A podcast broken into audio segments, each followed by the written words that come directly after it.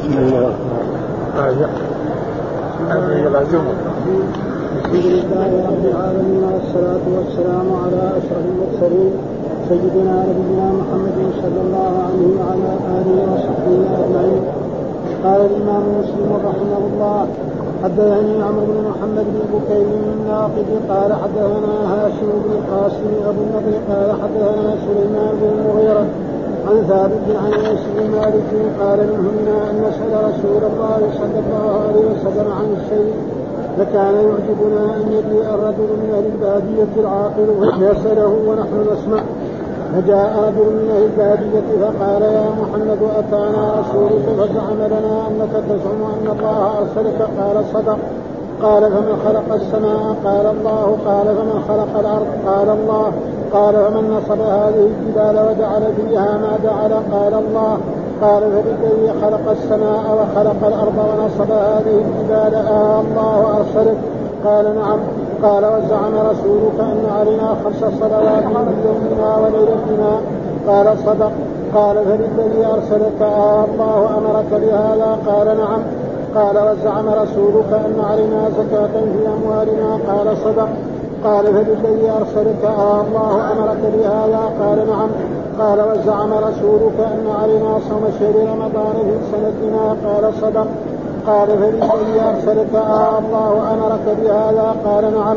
قال وزعم رسولك أن علينا حج بيت من استطاع إليه سبيلا؟ قال صدق. قال ثم ودى قال والذي بعثك بالحق لا أزيد عليهن ولا انقص منهن فقال النبي صلى الله عليه وسلم لئن صدق ليدخلن الجنة. قال حدثني عبد الله بن هاشم العبد قال حدثنا بهز حدثنا سليمان بن المغيرة عن ثابت قال قال أنس كنا نهينا في القرآن أن نسأل رسول الله صلى الله عليه وسلم عن شيء وساق الحديث بمثله. قال حدثنا محمد بن عبد بن عبد الله بن قال حدثنا ابي قال حدثنا عمرو بن عثمان قال حدثنا موسى بن طلحة قال حدثني أبو أيوب أن اعرابيا عرض لرسول الله صلى الله عليه وسلم وهو في سفر فأخذ بخطام ناقته أو بزمامها ثم قال يا رسول الله أو يا محمد أخبرني بما يقربني من الجنة وما يباعدني من النار. قال فكف النبي صلى الله عليه وسلم ثم نظر في أصحابه. ثم قال لقد وفق أو لقد هدي. قال كيف قلت؟ قال فأعاد فقال فقال النبي صلى الله عليه وسلم تعبد الله لا تشرك به شيئا وتقيم الصلاة وتؤتي الزكاة وتصل الرحم وتصل الرحم دعي الناقة قال وحدثني محمد بن حاتم وعبد الرحمن بن بشر قال حدثنا بهزوم قال حدثنا شعبة قال حدثنا محمد بن عثمان بن عبد الله بن موهب وأبوه عثمان أنهما سمعا موسى بن طلحة يحدث عن أبي أيوب عن النبي صلى الله عليه وسلم بمثل هذا الحديث قال حدثنا يحيى بن يحيى التميمي وأخبرنا أبو الأحوص. قال وحدثنا أبو بكر بن أبي شيبة. قال حدثنا أبو الأحوص عن أبي إسحاق عن موسى بن عن أبي أيوب قال جاء رجل من النبي صلى الله عليه وسلم فقال دلني على عمل اعمله يدنيني من الجنة. ويباعدني من النار قال تعبد الله لا تشرك به شيئا وتقيم الصلاة وتؤتي الزكاة وتصل إلى رحمك فلما أدبر قال رسول الله صلى الله عليه وسلم إن تمسك بما أمر به دخل الجنة. وفي رواية ابن أبي شيبة إن تمسك به. قال وحدثني أبو بكر بن قال وحدثني أبو بكر بن إسحاق قال حدثنا عثمان حدثنا وهيب قال حدثنا يحيى بن سعيد عن ابي زرعه عن أبي هريرة أن اعرابيا جاء إلى رسول الله صلى الله عليه وسلم فقال يا رسول الله دلني على عمل اذا عملته دخلت الجنه قال تعبد الله لا تشرك به شيئا. وتقيم الصلاة المكتوبة وتؤدي الزكاة المفروضة وتصوم رمضان. قال والذي نفسي بيده لا أزيد على هذا شيء أبدا ولا أنقص منه. فلما ولى قال النبي صلى الله عليه وسلم من سره أن ينظر إلى رجل من أهل الجنة فلينظر إلى هذا. قال حدثنا أبو بكر بن أبي شيبة وأبو كريم ولفظ أبي كريم قال حدثنا أبو معاوية عن الأعمش عن أبي سفيان عن جابر قال أتى النبي صلى الله عليه وسلم النعمان بن قوقل فقال يا رسول الله أرأيت إذا صليت المكتوبة وحرمت صليت. صليت يعني. إذا صليت صليت يعني. ضم التاء يعني إذا صليت المكتوبة وحرمت الحرام وأحللت الحلال أدخل الجنة. فقال النبي صلى الله عليه وسلم فقال صلى الله عليه وسلم نعم. قال وحدثني حجاج بن الشاعر والقاسم بن زكريا. قال حدثنا عبيد الله بن موسى عن شيبان عن الاعمش عن ابي صالح بن أبي سفيان عن جابر قال قال النعمان بن القوقل يا رسول الله به وزاد فيه ولم ازد على ذلك شيئا. قال وحدثني سلمة بن سليم قال حدثنا الحسن بن عيينة قال حدثنا معقول وهو ابن عبيد الله. عن ابي الزبير عن جابر ان رجلا سال رسول الله صلى الله عليه وسلم فقال أرأيت إذا صليت الصلوات المكتوبات وصمت رمضان؟ فأحللت الحلال وحرمت الحرام ولم يزد على ذلك شيئا يدخل الجنة. قال نعم. قال والله لا أزيد على ذلك شيئا. أعوذ بالله من الشيطان الرجيم. بسم الله الرحمن الرحيم. الحمد لله رب العالمين. والصلاة والسلام على سيدنا محمد وعلى آله وصحبه وسلم أجمعين. قال الإمام الحافظ أبو حسين مسلم ابن الحجاج القشيري النيسابوري رحمه الله تعالى. والآن الأحاديث اللي بيسوقها آه، التبويب الإمام مسلم لم يبوب بل ذكر الأحاديث وفصل بينها في شيء ويعرفها طلبة العلم. الإمام النووي هو الذي جعل إيه؟ التراجم.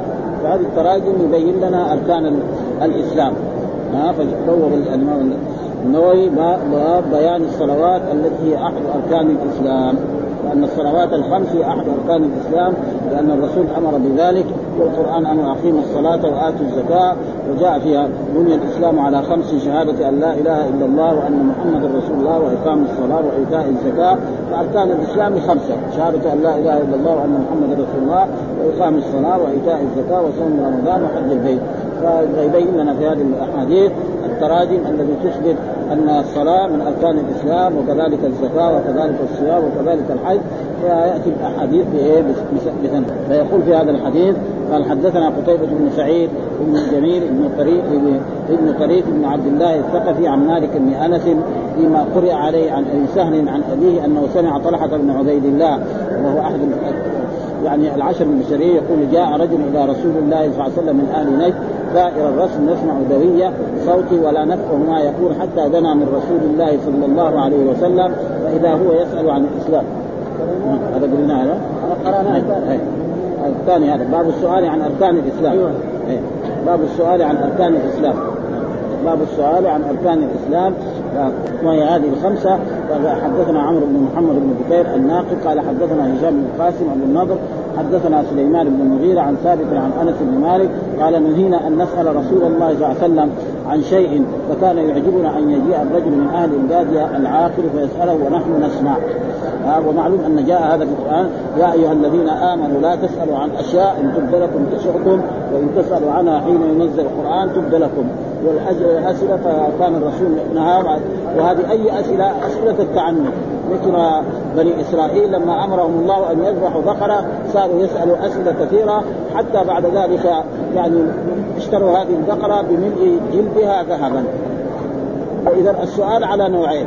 سؤال يجب وهو فاسألوا أهل الذكر إن كنتم لا تعلمون. هذا لازم واحد ما يعرف مسألة علمية ويسأل أهل الذكر يعلمه.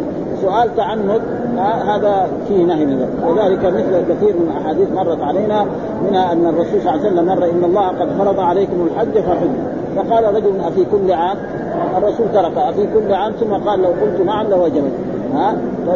اتركوني؟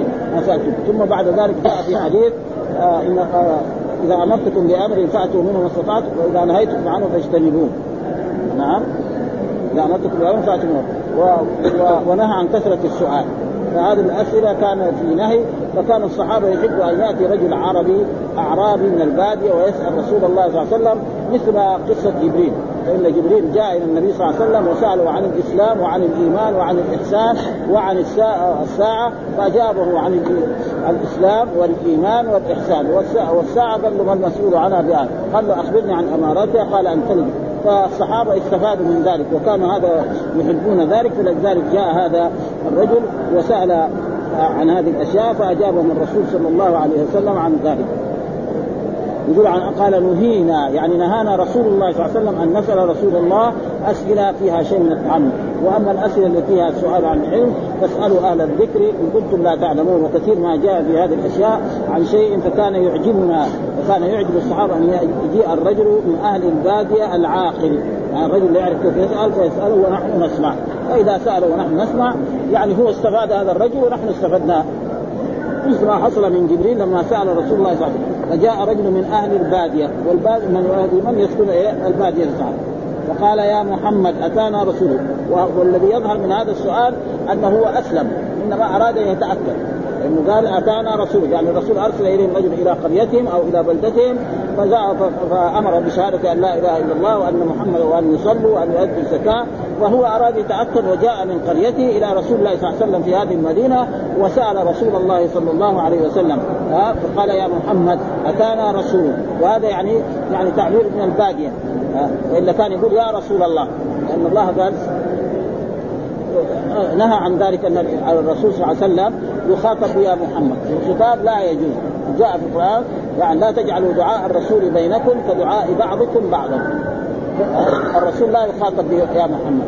أما في الغيبة فلا بأس. واحد يقول قاله محمد صلى الله عليه وسلم صلى الله على محمد صلى الله عليه فعله محمد هذا ما فيه. أما يقول يا محمد مثلا في السلام لا يجوز حرام. الواحد يقف على قبر النبي صلى الله عليه وسلم ويقول السلام عليك يا محمد هذا حرام. ما يجوز ها لأنه كذا. أو أنه قبل أن ينهى. وسيأتي حديث انه قال له يا رسول الله. وزعم والزعم هنا أصل معناه الكذب. لكن هنا زعم تأتي مرات بمعنى يعني أخبرنا وأمرنا بذلك. أنك تزعم أن الله أرسلك. أن الله أرسلك. ليس معنى الزعم معنى الادعاء. ها؟ لا. انه اخبرنا إن الله أرسل محمد صلى الله عليه وسلم. وليس معنى الزعم بهذا المعنى. قال إن الله تعالى أرسلك. قال صدق. وقال زعم وتزعم وتزعم مع تصديق رسول الله صلى الله عليه وسلم إياه دليل على أن زعم ليس مخصوصا بالكذب. ولذلك جاء في الأحاديث زعموا مطيه الكذب. زعموا وفي قالوا اليوم سمعنا كذا. هذا دغري بعد ذلك. ونهى الرسول أن الإنسان يحدث بكله وهنا زعم بمعنى يعني التأكيد وانه مخصوصا بالكذب والقول المشكوك بل يكون أيضا في القول المحقق والصدق الذي لا شك وقد جاء في هذا كثير من الأحاديث عن النبي صلى الله عليه وسلم وزعم جبريل كذا كان الرسول يقول مرات وزعم جبريل كذا جبريل ما يكذب ابدا. فاذا الزعم تارة يكون بمعنى اليقين وبمعنى التحقيق وهذا هو تقريبا قال صدق قال فمن خلق السماء؟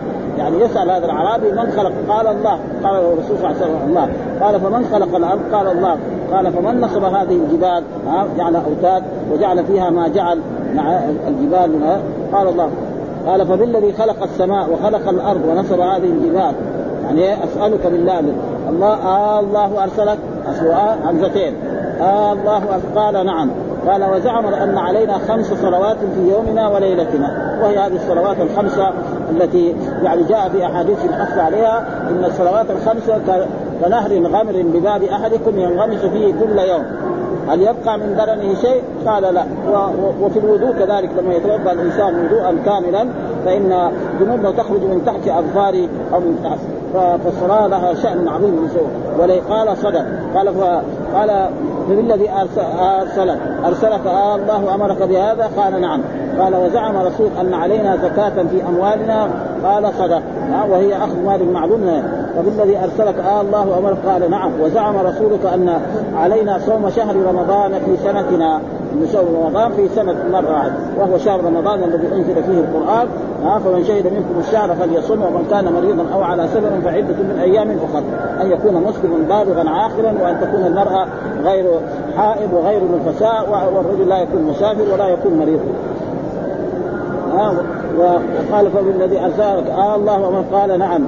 قال وزعم أن علينا حج البيت من استطاع قال صدق. قال ثم ولى. ثم الرجل قام من المجلس وذهب إلى شقهم ها؟ ثم قال والذي بعث لا أزيد عليهن ولا أنقص. قال هذا الرجل الاعرابي أنه لا أزيد على هذه الآية ولا أنقص. وهذا الرجل الذي جاء من أهل البادية اسمه ضمضام ابن ثعلبه ها الرجل هذا الذي جاء وسأل عن هذه الأشياء جاء في أحاديث مصرح به ضمضام ابن ثعلبة. من أهل الباديه ضمام. ضمام؟ هو ما شك له. ضمام ضمام بن ثعلبة. بكسر الضاد المعجم. ضمام. بكسر الضاد المعجمه كما جاء مسمى في رواية البخاري وغيره. ضمام. فقال لئن صدق ليدخلن الجنة. ها فهذا دليل على إيه؟ أن الصلاة لها شأن عظيم وقال أتى بالأركان الخمسة، كل الأركان الخمسة أتى بها في هذا الحديث وقال الرسول لا يدخلن، طيب كيف الرسول قال؟ يعني الرسول علم إما من الوحي أو جاءه جبريل أو ألهم أن هذا الرجل سيفعل هذه الأشياء.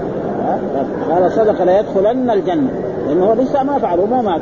ولكن الرسول تأكد من ذلك أن هذا الرجل هذه الأشياء اللي أنه لا يزيد على ذلك ولا ينقص. فإذا وأنه يعمل ذلك ويدخل الجنة. ومعلوم أن الرسول صلى الله عليه وسلم أخبر كثير ناس أنهم يكونوا وهذا الرجل يكون من أهل الجنة لأنه تحقق الرسول أنه سيعمل بها. كما شهد الرسول مثلا لبعض الناس من أهل الجنة كما شهد للعشر المبشرين وكما شهد لأهل بدر وكما شهد لأهل بيعة الرضوان وغيرهم. ف... ونحن لا نشهد لاحد بجنة ولا نار إلا من شهد له رسول الله صلى الله عليه وسلم. إنما نرجو أن المحسن ربنا يدخل الجنة. والكافر نعم يدخل في النار والعاصي يعني يعني قد يدخل النار. ولكن لا نحكم عليه بأنه من أهل النار لأنه قد يتوب وقد يغفر الله له. ثم ذكر حدثنا عبيد الله بن هاشم العبدي قال حدثنا بهز قال حدثنا سليمان بن المغيرة عن ثابت قال قال أنس كنا نهينا. هذه قول الله تعالى يا أيها الذين آمنوا لا تسألوا عن أشياء ان تدور. أن نسأل رسول الله صلى الله عليه وسلم نعم عن شيء. وساق الحديث بمثله. يعني السند هو مختلف والألفاظ وحدة. وفي هذا الحديث جمل من العلم غير ما تقدم منها أن الصلوات الخمس متكررة في كل يوم وليلة ومنها قوله يومنا وليلتنا وأن صوم شهر رمضان يجب في كل سنة. قال الشيخ أبو عمرو بن الصلاح رحمه الله تعالى وفيه دلالة لصحة ما ذهب إليه أئمة العلماء إليه أئمة العلماء من من أن العوام المقلدين مؤمنون. يعني مثلا بعض يعني واحد لو سألناه ونعرفه إيش إيش معنى الصيام؟ إيش معنى الزكاة؟ إيش معنى آه ما يقدر يعرف تعريف علمي، يقول لك أنا أصلي الظهر وأصلي العصر وأصلي المغرب وأصلي العصر ها؟ لا مثلا يقول له إيش الصلاة؟ مثلا ما يقدر يقول هي أقوال وأفعال مفتتحة بالتكبير وأنها في اللغة كذا هو رجل إذا اذن الظهر كذا والإيمان إيش هو؟ تعرف إيش الإيمان؟ قول باللسان واعتقاد بالقلب وعمل هذا ما يعرفه لكن نحن نحكم عليه إنه؟ مؤمن طلبة العلم يجب عليهم أن يعلموا هذه الاشياء والناس العاديين ابدا إيش أنت إيش الإيمان؟ قال أنا أؤمن بالله والملائكة والكتب وبي. إيش معنى؟ يقول أنا ما أعرف أن نحكم عليه ما يحتاج إنه إيه يعني يكون يعني يعرف هذا لذلك قال أن العوام المقلدين مؤمنون وأنه يكتفي منهم بمجرد اعتقاد الحق جزما من غير شك وتزلزل خلافا لمن أنكر ذلك وذلك أنه صلى الله عليه وسلم قرر ضمام على ما اعتمد عليه في تعريف رسالته وصدقه ومجرد إخبار اياه بذلك ولم ينكر عليه ذلك ولا قال يجب عليك معرفة ذلك بالنظر في معجزاته والاستدلال بالأدلة القطعية. ها؟ مثلا واحد لو قلنا له يعني عام قلنا له يعني إيش الدليل على أن الله فرض الزكاة؟ يقول ما ادري أنا نشأت بين بلاد الإسلام وشفتهم اذا جاء رمضان يصوموا ما يعرف الآية. والذين آمنوا كتب عليكم الصيام كما كتب وأن بني الإسلام على خمس شهادة أن لا إله إلا الله وأن إقام الصلاة وإيتاء الزكاة والصلاة ما يعرف هذا؟ ليش نحكم نحكم لا ما نحكم على رجل إن شاء الله من المسلمين خلاص قال يؤدي هذه الأشياء. وهذا على طلبة العلم أن يعرفوا هذه الأشياء والمسلمين الذين تنوروا. وهذا كثير ما يعني الآن في بعض البلاد بعد ما يعني قراءة الفاتحة في تعبانة ما ما ما يعلمها يتقنها وقد يكسر فيها وقد هذا الحين بعد ما إيه حصل وإلا أول قبل سنوات يمكن بعضهم مرة ما لأنه هذه الأشياء الحديثة أفادت كثير أشياء. ها مثلا في الإذاعة والتلفزيون في اضرار كثيرة وفي فوائد. مثلا في نور على الدم. هذه أسئلة يعني طيبة جدا يعني. والصحافه وغير ذلك كل هذه أشياء يعني فيها بعض الخير وفيها بعض الشر. هذا يعني الناس كثير فهموا الآن يعني. كثير أشياء ما كانوا يعرفوها. وكذلك الجمعه مثلا أول ما في مكبرات الصوت يجوا يسمعوا كم؟ يمكن 100 نفر أو 200 أو 1000 نفر. والباقي ما يسمعوا. يقعد هناك في آخر المسجد يحكوا الحين كل الناس يسمعوا. الدنيا. فهذا فيها يعني أشياء يعني آه، آه، وفي هذا الحديث العمل بإيه؟ بخبر الواحد وفيه غير ذلك. يعني إيه؟ بخبر الواحد يعني جاءهم إيه؟ رجل هذا إلى إلى إلى قريتهم وأخبرهم أن الله أرسل محمد صلى الله عليه وسلم وأنه فرض عليهم الصلاة وهذا فيه رد على إيه؟ على الجماعة الذي يقول ما ما يقبل في في الشرع إلا المتواتر هذا خبر وتقدم لنا حديث يعني الأحاديث الذي في القبلة أن رسول الله صلى الله عليه وسلم لما صلى إلى القبلة إلى الكعبة خرج رجل من الصحابة ومر على مسجد وهم يصلون قبل الشام فقال إني صليت خلف رسول الله صلى الله عليه وسلم مستقبلا الكعبة فدار الإمام ودار المؤمن. خبر واحد ما قالوا لا حتى تجيب شاهدين ولا خمسة شهود ولا أربعة. حالا داروه وساووا ابدا. وكذلك أهل أهل قبل ما وصلهم الخبر إلا إيه؟ في الفجر. مع ان الرسول من الظهر صلى الظهر والعصر والمغرب هم يصلوا إلى بيت المقدس. حتى في الفجر حتى بلغهم الخبر وصلوا. فخبر واحد هذا. وأي عالم يقول لا ما يقبل خبر الواحد؟ بعدين يضيع يعني ثلثين السنة أو ثلاثة أرباع الأحاديث النبوية. لأن أكثر الأحاديث النبوية من قول إيه؟ الخبر الواحد. ثم ذكر هنا كمان ترجمة وهي إيه؟ الإيمان الذي يدخل الجنة.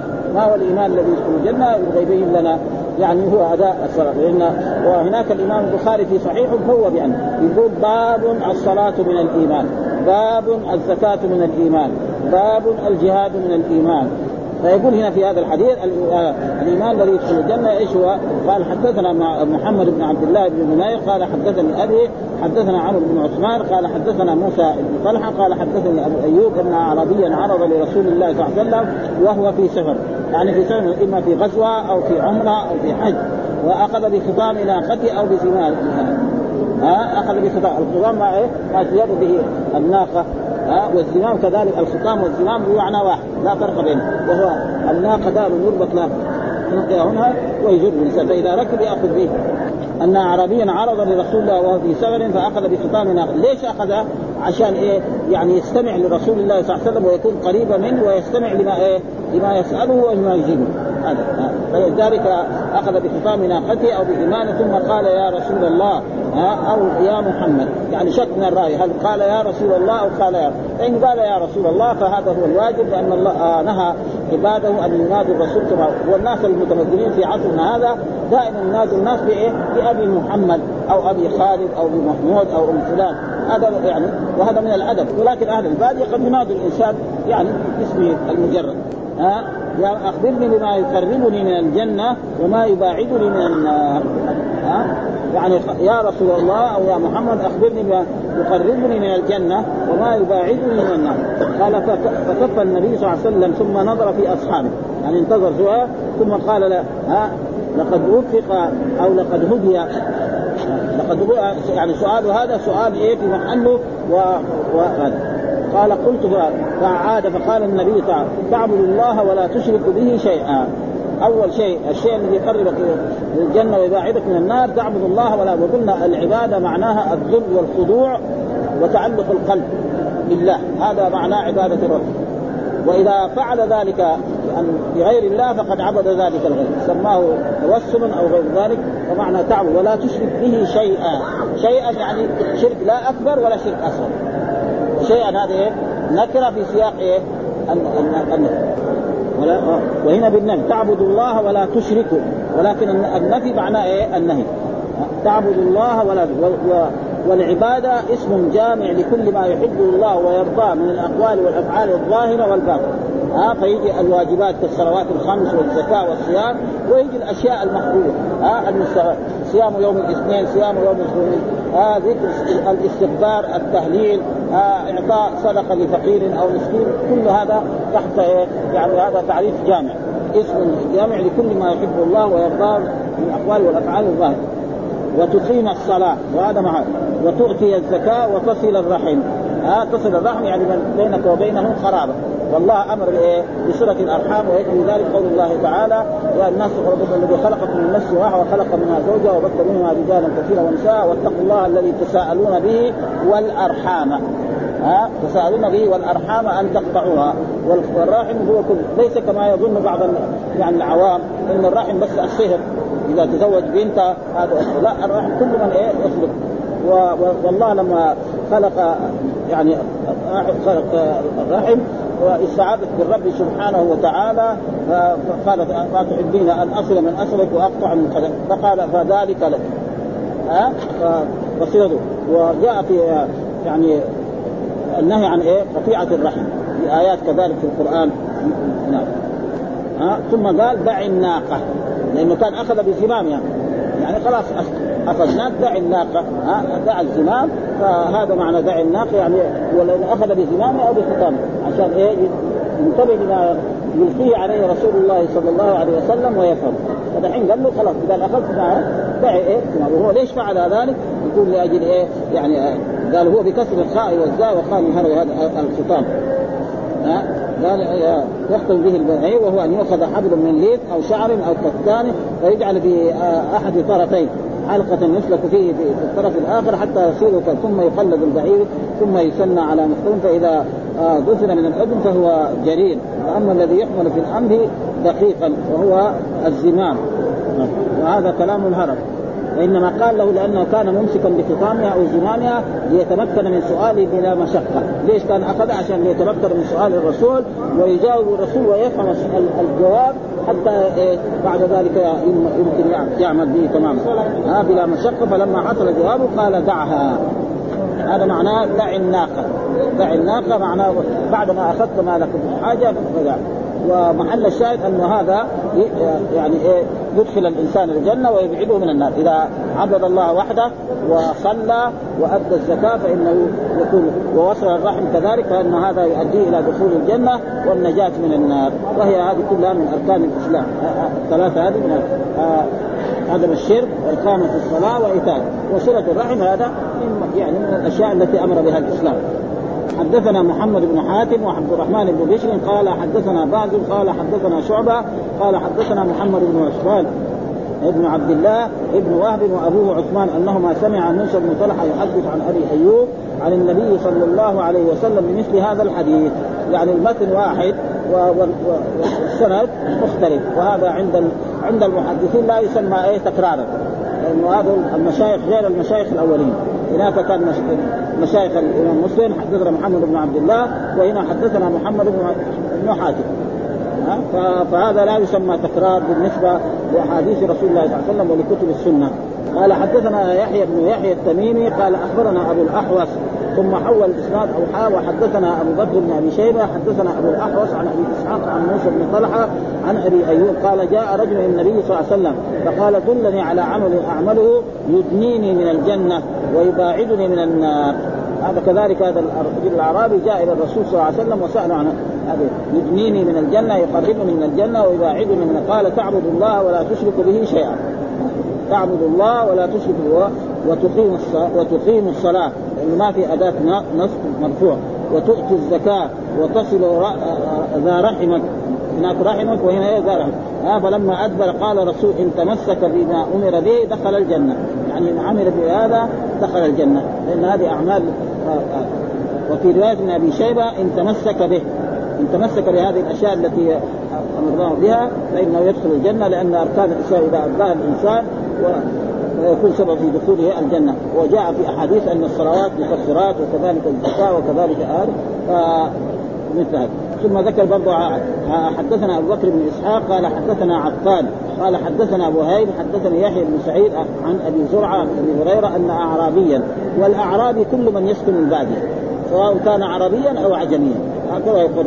ها؟ أي إنسان يسكن الباديه فلك أن تسمي أما العربي من ينتسب إلى قحطان كعرب اليمن أو من ينتسب إلى يعني إلى عدنان الذين هم عرب الحجاز ونجد وما وراء. فقال يا دلني على عمل إذا عملته دخلت الجنة. ها؟ هذا كذلك الرجل الأعرابي يقول دلني على عمل إذا عملته دخلت. قال تعبد الله ولا تشرك به شيئا. ها؟ تؤدي عبادة الله وحده ولا تشرك به شيء لا شرك أكبر ولا شرك أصغر. وتقيم الصلاة. ويؤديها بشروطها وأركانها كاملة في المساجد مع الجماعة. وتؤدي الزكاة المفروضة. التي هي تجب عليه والزكاة سيأتي بحثها في إيه؟ وأقسامها في أي شيء تجب في الإبل في البقر في الغنم في الذهب في الفضة إلى غير ذلك وسيأتي فيها. منها بعدها إلى وتصوم رمضان. قال والذي نفسي بيده أقسم بالله لا, لا أزيد على هذا شيئا ابدا ولا أنقص. أنا لا أزيد يعني لا يصلي نافلة ولا يصلي وترا ولا يصلي عيدا ولا كسوفا ولا شيء. يعني هذا معنى. ها؟ لا أزيد على ذلك وهذا فيه دليل على انه إيه؟ أن الوتر نعم وصلاة العيد العيدين وصلاة الكسوف ليست بواجب. وإن كان يعني بعض العلماء يقولوا ان أن الوتر واجب. ها؟ كالحنفيه الإمام أبو حنيفة يرى أن الوتر واجب و والسبب في ذلك إنه له أصول غير أصول الفقهاء. عندهم الفرض ما ثبت بالقرآن والواجب ما ثبت بالسنة. ومعلوم القرآن وجب إيه؟ اوجب خمس صلوات. هذا الموجود أما الوتر هذا ثبت بايه؟ بالسنه ها؟ أوتروا يا أهل القرآن. من لم يوتر فليس منا. وهم يقولوا واجب. وقد مر علينا كم موطا يعني حديث عن هذا أن رجلا قال إن الوتر واجب. فقال آخر كذب أبو محمد. ها؟ روى عن عبادة بن الصامت أن رسول الله صلى الله عليه وسلم قال ها؟ يعني فرض الله خمس صلوات في كل يوم وليلة. في كل يوم وليلة. فمن أتباها يعني كذا يعني خمس صلوات. خمس صلوات كتبهن الله على العباد. ومن أتى بهن فإن له عهد عند الله أن يدخله الجنة. ومن لم يأت بهن فليس له عهد عند الله إن شاء عذبه وإن شاء غفر. وهذا دليل على أن غير الصلوات الخمس إيه؟ ليست واجب بس هذا اصطلاحات علمية. فهو عندهم الواجب يعني العلماء بيقولون الائمه الثلاثة الواجب والفرد شيء واحد. وهذاك لا يقول هذا. وأصح الأقوال أن أن الوتر سنة مؤكدة. ها؟ وكذلك زي العمرة. هل هي واجبة؟ في أحاديث أن العمرة واجبة. لكن أحاديث ما جاء في أحاديث يعني وإن تعتمر خير لك وهذا هو أصح يعني. بعض العلماء كالحنابله والشافعيه يرى ان الوتر ان ان ان, العمرة واجب. لا أزيد على هذا شيئا ابدا ولا أنقص. فلما ولى قال النبي من أسر أن ينظر إلى رجل من أهل الجنة فلينظر إلى هذا. كيف هذا قال الرسول؟ معناه إنه هذا هذا الرجل سيؤدي هذا تماما. ان الرسول مثلا ما يقول إيه هكذا إلا بعلم من الرب سبحانه وتعالى. هذه علق عليه الإمام النووي. من أسر ينظر إلى رجل من أهله فلينظر إلى هذا فالظاهر منه أن النبي صلى الله عليه وسلم علم أنه سيو أنه يوفي بما التزم وأنه يدوم على ذلك ويدخل الجنة. وأما قول مسلم في حديث جابر حدثنا هذا ولا قال النبي صلى الله عليه وسلم من أسر وان ينظر إلى رجل من أهل الجنة فلينظر إلى هذا. فإذا أداء هذه الأمور هذه إيه الإيمان الذي يدخل ومعلومه الإيمان هو الذي وهذا دليل على أن الصلاة تسمى إيه؟ من الإيمان وكذلك الزكاة وكذلك الصيام. كما هناك الإمام البخاري يعني تبويب غير. يعني تبويب الإمام البخاري يقول الصلاة من الإيمان. باب الصلاة من الإيمان باب الزكاة من الإيمان باب الجهاد من الإيمان. تراجم لحالها لها معنى عجيب يعني. باب مثلا المسلم من سلم المسلمون من لسانه ويده وهكذا. قال حدثنا أبو بكر بن أبي شيبة وأبو كريب واللفظ لأبي كريب قال حدثنا أبو معاوية عن الأعمش عن أبي سفيان عن جابر قال أتى النبي صلى الله عليه وسلم النعمان بن خوخل فقال يا رسول الله أرأيت إذا صليت المكتوبات وحرمت الحرام وأحللت الحلال أدخل الجنة؟ فقال النبي صلى الله عليه وسلم نعم. هذا النعمان بن خوخل فقال أرأيت؟ يعني أخبرني. إيش معنى أرأيت؟ أخبرني يا رسول إذا صليت المكتوبة. إيش المكتوبة؟ الصلوات الخمس. ها؟ هذه. وحرمت الحرام. وحرمت الحرام يعني لم أفعل الحرام ولم انتهك شيء محرم. وأحللت الحلال يعني علمت أن هذا الشيء حلال وفعلته ولا يقول ال ال الإمام النووي لا يلزم من ذلك أن الحلال كله يفعل. صعب ها؟ أما الحرام يجتنب ولا يحرم. وأما الحلال لا يلزم كل حلال لازم مثلا كل مسلم لازم جميع الأشياء اللي حلها الله يفعل هذا صعب ما يلزم من ذلك. إنما هو يعلم أن هذا حلال. فيفعل الشيء الذي قدر عليه والشيء الذي ما قدر عليه. أما الحرام لازم إيه يجتنبه مره ولا يقع فيه. هذا ما يجتنب وحرمت حرمت الحرام وأحللت وأدخل الجنة. قال قال النبي صلى الله عليه وسلم نعم. يعني أدخل الجنة. همزتين ها واحدة حقت أدخل. فكل من ذلك أن هذه الأشياء إذا فعلها الإنسان يعني فال وهنا قال أرأيت اذا حرمت الحرام واحللت أدخل الجنة؟ قال نعم. أما قوقا وقوله حرمت فقال الشيخ أبو عمرو بن الصلاح رحمه الظاهر أنه أراد به أمرين أن يعتقد حراما وأن لا يفعل. يعتقد الحرام مثلا الزنا وشرب الخمر ولا يفعل. آه كذلك الأشياء المحرمة. بخلاف تحليل الحلال فإنه يكفي فيه مجرد اعتقاده حلالا.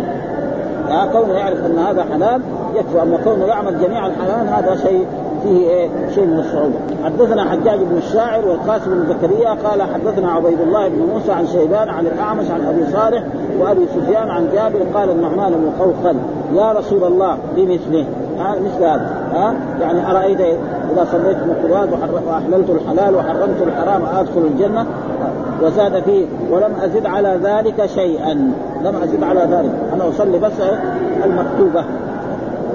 وحدثنا سلمة بن شبيب قال حدثنا الحسن بن أعين وحدثنا معقل وهو ابن عبيد الله عن أبي الزبير عن جابر أن رجلا سأل رسول الله صلى الله عليه وسلم فقال أرأيت إذا صليت الصلوات المكتوبات؟ إذا صليت الصلوات المكتوبات وصمت رمضان وأحليت الحلال وحرمت ولم أزد على ذلك أدخل الجنة؟ قال نعم. والله لا أزيد على ذلك شيئا. آه ما يزيد إيه من النوافل ولا شيء. من هذا فإنه يدخل الجنة آه مثل ما ذكر آه رسول الله صلى الله عليه وسلم. وكذلك الترجمة الثانية التي عنها الإمام النووي باب بيان أركان الإسلام ودعائمه العظام وهي هذه الأركان الخمسة. ها ها وهي الخمسة الأركان هذه. وهذه الأركان إيه؟ مثل مثل الخيمة. إذا ما في العامل الذي يقوم ما يمكن وكذلك الإسلام لا يمكن يقوم إلا على هذه الأركان الخمسة. ها أبدا. إيش الحديث الذي يدل على أركان الإسلام آه يعني آه أركان ودعائمه آه وهي هذه الخمسة. الذي جاءت في احاديث ومنها حديث بني الإسلام على خمس شهادة أن لا إله إلا الله وأن محمد رسول الله وسيأتي بهذا الحديث دحين آه قال حدثنا آه محمد بن عبد الله بن نمير الهمداني حدثنا أبو خالد يعني سليمان بن حيان الأحمر عن أبي مالك الاشجع عن سعيد بن عبيدة عن ابن عمر عن النبي صلى الله عليه وسلم قال بني الإسلام على خمسة. آه بني الإسلام على على أن يوحد الله اي توحيد توحيد الربوبية أو الألوهية وإقام الصلاة وإنجاز الصلاة وإيتاء الزكاة وصيام رمضان والحج. فقال رجل الحج وصيام رمضان. قال رجل الحج وصيام رمضان. قال لا صيام رمضان والحج. وهذه مسألة مختلفة. في بعض الأحاديث أن أن الحج مقدم على الصيام مع أن الحج فرض متأخرا. والصيام فرض في السنة الثانية من هجرته صلى الله عليه وسلم. ها في السنة الثانية. والحج فرض إما في عام ست وإما في عام تسعة وأصح الأقوال أنه فرض في عام تسع. ها في السنة التي وفد الوفود ووفود يعني نجران. النصارى وفدوا من نجران إلى رسول الله وأنزلهم في هذا المسجد وثم أنزل الله تعالى في حق سورة آل عمران. من أولها إلى يعني قصة بدر. هذا كله في إيه؟ وفيها ولله على الناس حج البيت من استطاع إليه سبيلا ومن كفر فإن الله غني عنه وهذا هو أصح الأقوال أن الحج لم يفرض إلا فيها. فإذا والواو لا تفيد ترتيبا. واحد قال مثلا آه مثلا قلنا له آه أركان الإسلام. قال الحج والصلاة والصيام. ما في شيء. ها؟ ما في. لكن لو رتب هذا هو. لا واحد قلنا له كم أركان الإسلام؟ قال الحج. ثم رمضان ثم الصلاة ثم شهادة الله خلاها هي في الآخر ما ولذلك يعني في بعض الأحاديث يعني يقدم الحج على الصيام وبعضها مقدم وهذا ليس فقال رجل الحج آه الحج وصيام قال لا صيام رمضان والحج. هكذا سمعت من الرسول والناس الأولين يعني ما سمع من رسول الله صلى الله عليه وسلم كما في الحديث. بني الإسلام على خمسة على إن يوحد الله وهذا شهادة. وإقام الصلاة وإيتاء الزكاة وصيام رمضان والحج. فقال رجل الحج والصيام قال لا صيام رمضان والحج. ان صيام رمضان فرض في السنة الثانية من هجرته والحج فرض إما في عام ست أو في حدثنا سهل بن عثمان العسكري حدثنا يحيى بن زكريا حدثنا سعد بن طارق قال حدثني سعد بن عبيدة السلمي عن ابن عمر قال قال بني الاسلام على خمس على أن يعبد الله ويكفر بما دونه. ها يعني. ها؟ يعبد الله وحده ويكفر بما يكفر جميع الأوثان وجميع المعبودات التي من دون الله من الأصنام ومن و ولا تستحق ولا يستحق العبادة إلا الرب سبحانه وتعالى. وإقام الصلاة وإيتاء الزكاة وحج البيت وصوم رمضان. وهذه فيها دعائم الإسلام. وأي واحد ترك منها ركن من هذه الأركان هذا قد يكون مرتدا ها؟ أو خصوصا إذا جحد. أما إذا كان كسلان ما عمل وهذا فيه خلاف. يعني شخص يقول الصلاة اوجبها الله لكن ما يصلي. فعلى كل حال اتفق العلماء على أنه يقتل. هل يقتل كافرا أو يقتل مثلا يعني مسلما بس زي زي زي, زي قاتل النفس هذا أما الإمام أحمد يرى أنه يقتل كافرا ولا يقتل بمقابر المسلمين.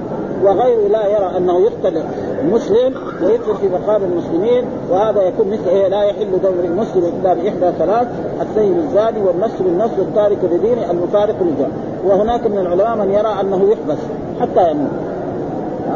وكونه يقتل يعني. وجاء في أحاديث العهد الذي بيننا وبينهم الصلاة من ترك الصلاة فقد كفر. وإقام الصلاة وإيتاء الزكاة وحج البيت وصوم رمضان أو جاء بين.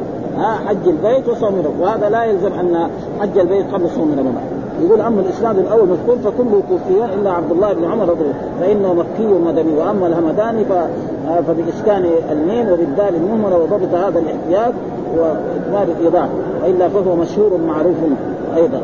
قال بني على أن يوحد الله وإقام الصلاة وإيتاء الزكاة وصيام رمضان قال رجل الحج والصيام. قال لا صيام رمضان والحج. هكذا سمعت من رسوله وفي الرواية الثانية بني الإسلام على خمس على أن يعبد الله ويقرب وإقام الصلاة. والاحاديث هي كلها إنما هو يكررها يعني حدثنا عبيد قال رسول الله صلى الله عليه وسلم آه، آه، بني الإسلام شهادة أن لا وهنا بالجر يعني يقراها ليه؟ عشان بدل. يعني على خمس إيش الخمسة؟ على خمس الحين مجرور فيجي شهادة أن لا إله إلا الله وأن محمدا رسول وإقام الصلاة وإيتاء الزكاة وصوم رمضان وحج البيت. هذا يسمى يعني بدل. حدثنا ابن نمير حدثني أبي حدثنا حنظلة قال سمعت عكرمة بن خالد يحدث طاووس. طاووسا أن رجلا قال لعبد الله بن عمر ألا تغزو؟ قال إني سمعت رسول الله صلى الله عليه وسلم يقول إن الإسلام بني على خمس شهادة أن لا إله إلا الله وإقام الصلاة وإيتاء الزكاة وصوم رمضان وحج البيت. غير إنه يعني في الآخر في أيام الفتن لما صارت الفتن بين عثمان وفي عهد الزبير هو في ذلك الوقت والا كان أول يعني مر علينا أنه كان خرج للجهاد وجاهد في عهد رسول الله صلى الله عليه وسلم وأن الأولين كانوا يقاتلون لإعلاء كلمة الله. وأما أنتم الآن تقاتلون مصالح الدنيا. الذين كانوا مع الزبير يعني كان عندهم والذين كانوا كذلك مع مع معاوية يعني في شيء من من من الدنيا هنا يقول الآن وأما ضبط الألفاظ المتن فوضع ووقع في الأصول في الأصول بني الإسلام على خمسة في الطريق الأول والرابع بالهاء فيها. وفي الثاني والثالث خمس بلا هاء وفي بعض الأصول المعتمدة في الرابع بلا هاء وكلاهما صحيح والمراد برواية الهاء خمسة أركان أو أشياء أو نحو ذلك وفي رواية حذف الهاء خمس خصال. ها؟ لأنه في قاعدة في اللغة العربية يعني العدد يذكر مع المؤنث ويؤنث مع الايه؟ يذكر ثلاثة بالتاء يكون للعشرة في عد ما أحد. إذا كان العدد مذكر آه، عدد مذكر نحن نؤنث العدد. التمييز حقه وتأخير في الرواية الأولى تقديم الصيام وفي الثالثة تقديم الحج ثم اختلف في إنكار ابن عمر على الرجل الذي قدم الحج مع أن ابن عمر رواه كذلك كما وقع في الطريقين المذكورين. والأظهر والله أعلم أنه يحتمل أن ابن عمر سمع من النبي صلى الله عليه وسلم مرتين مرة بتقديم الحج ومرة بتقديم الصوم. فرواه أيضا على الوجهين في وقتين فلما رد عليه الرجل وقدم الحج قال ابن عمر لا لا ترد علي ما لم أعلم ما, ما لا علم لك بي لا ترد ما لا علم لك بي ولا تعترض بما لا تعرفه ولا تخدع فيما لا تحقه. بل هو بتقديم الصوم. هكذا سمعته من رسول الله صلى الله عليه وسلم وليس في هذا نفي لسماعه على الوجه الآخر ويحتمل أن ابن عمر كان سمعه مرتين بالوجهين. كما ذكرنا ثم لما رد عليه الرجل نسي الوجه الذي رده فأنكره. فهذا فهذان الاحتمالان يعني يمكن لما رد عليه الرجل يعني كان نسي إنه كان رواه بهذا. لأنه روى بنفسه ان أن الصيام مقدم على هذا. ويحتمل أن ابن عمر كان سمعه مرتين بالواجب ثم ذكر. ما نسي الوجه الذي انكر فهذان الاحتمال هم المختاران. وقال الشيخ أبو عمرو بن الصلاح رحمه الله تعالى محافظة ابن عمر رضي الله تعالى عنهما على ما سمع من رسول الله صلى الله عليه وسلم ونهي عن عكسه تصلح حجة لكون الواو تقتضي الترتيب. ولكن ما, ما ومذهب كثير من الفقهاء والشافعيين وشذوذ من النحويين ومن يعني هذا وقال لا تقتضي الترتيب وهو المختار وهذا موجود. إنا أوحينا إليك ما أوحينا إلى نوح والنبيين. تسع بالتاء ها مسمات ومن حق الأول أن يقدم في الذكر على الثاني كمحافظه ابن عمر رضي الله لهذا وأما رواية تقديم الحج فكأنه وقع من كان يرى الرواية من كان يروي الرواية بالمعنى ويرى أن تأخير الأول أو أو الأهم. في الذكر شائع في اللسان فتصرف فيه بالتقديم يعني يعني يعني, صيام رمضان قبل الحج لأن صيام رمضان شروطه قليل أما الحج يعني للمستطيع فهو بلكي رأى من هذا يعني ثبتنا وما صحيح لا ينافي أن فتح باب التقديم والتاخير قد آه هذا قدم في الرواية الثانية. وأما اختصاره في الروايه الرابعه على إحدى الشهادتين وهو إما تقصير من الراوي في حد الشهادة الأخرى التي أثبتها غيره من الحفاظ وإما أن يكون وقعت الرواية من أصلها هكذا ويكون من حذف الاكتفاء لأحد القرينتين. يعني ماذا؟ شهادة أن لا إله إلا الله. معناه إيه؟ وأن محمدا رسول الله. وهذا مثلا واحد الحين يقول سورة الإخلاص يعني قل هو الله أحد. ما ما يذكر السورة الكاملة فتقريبا. وهو بضم الياء المثنات من تحت وفتح الحاء مبني لما لم يسمى فاعل. وأما اسم الرجل الذي رد عليه ابن عمر رضي الله تعالى عنه تقديم الحج فهو يزيد بن بشر السقسكي ذكره الحافظ أبو بكر الخطيب البغدادي في كتابه الأسماء النور وأما قوله ألا تغزو فهو بالتاء المثنات من فوق للخطاب ويجوز أن تكتب تغزو. بحذف الأول. قول الكتاب المتقدمين والثاني قول بعضهم وهو الأصح. وأما جواب ابن عمر له لحديث بني الإسلام فالظاهر أن معناه ليس الغزو بلازم عن الأعيان فإن الإسلام بني على خمس ليس الغزو منها والله أعلم. ثم إن هذا الحديث أصل عظيم في معرفة الدين وعليه اعتماده وقد جمع أركانه والله أعلم. يعني أن الغزو ليس من أركان الإسلام لكن هو واجب كمان والظاهر إنه يمكن قاله في أيام أيام أيام الفتن. فإذا كان في أيام الفتن يصير ما في شيء وإلا غزا آه غزا عبد الله بن عمر كثير. يعني في أحد هو خرج بالغزو وفي الغزوات اللي بعدها كلها حضرها. إنما صحيح في أيام الفتنة هو تج... يعني والحمد لله رب العالمين وصلى الله وسلم على نبينا محمد وعلى آله وصحبه وسلم.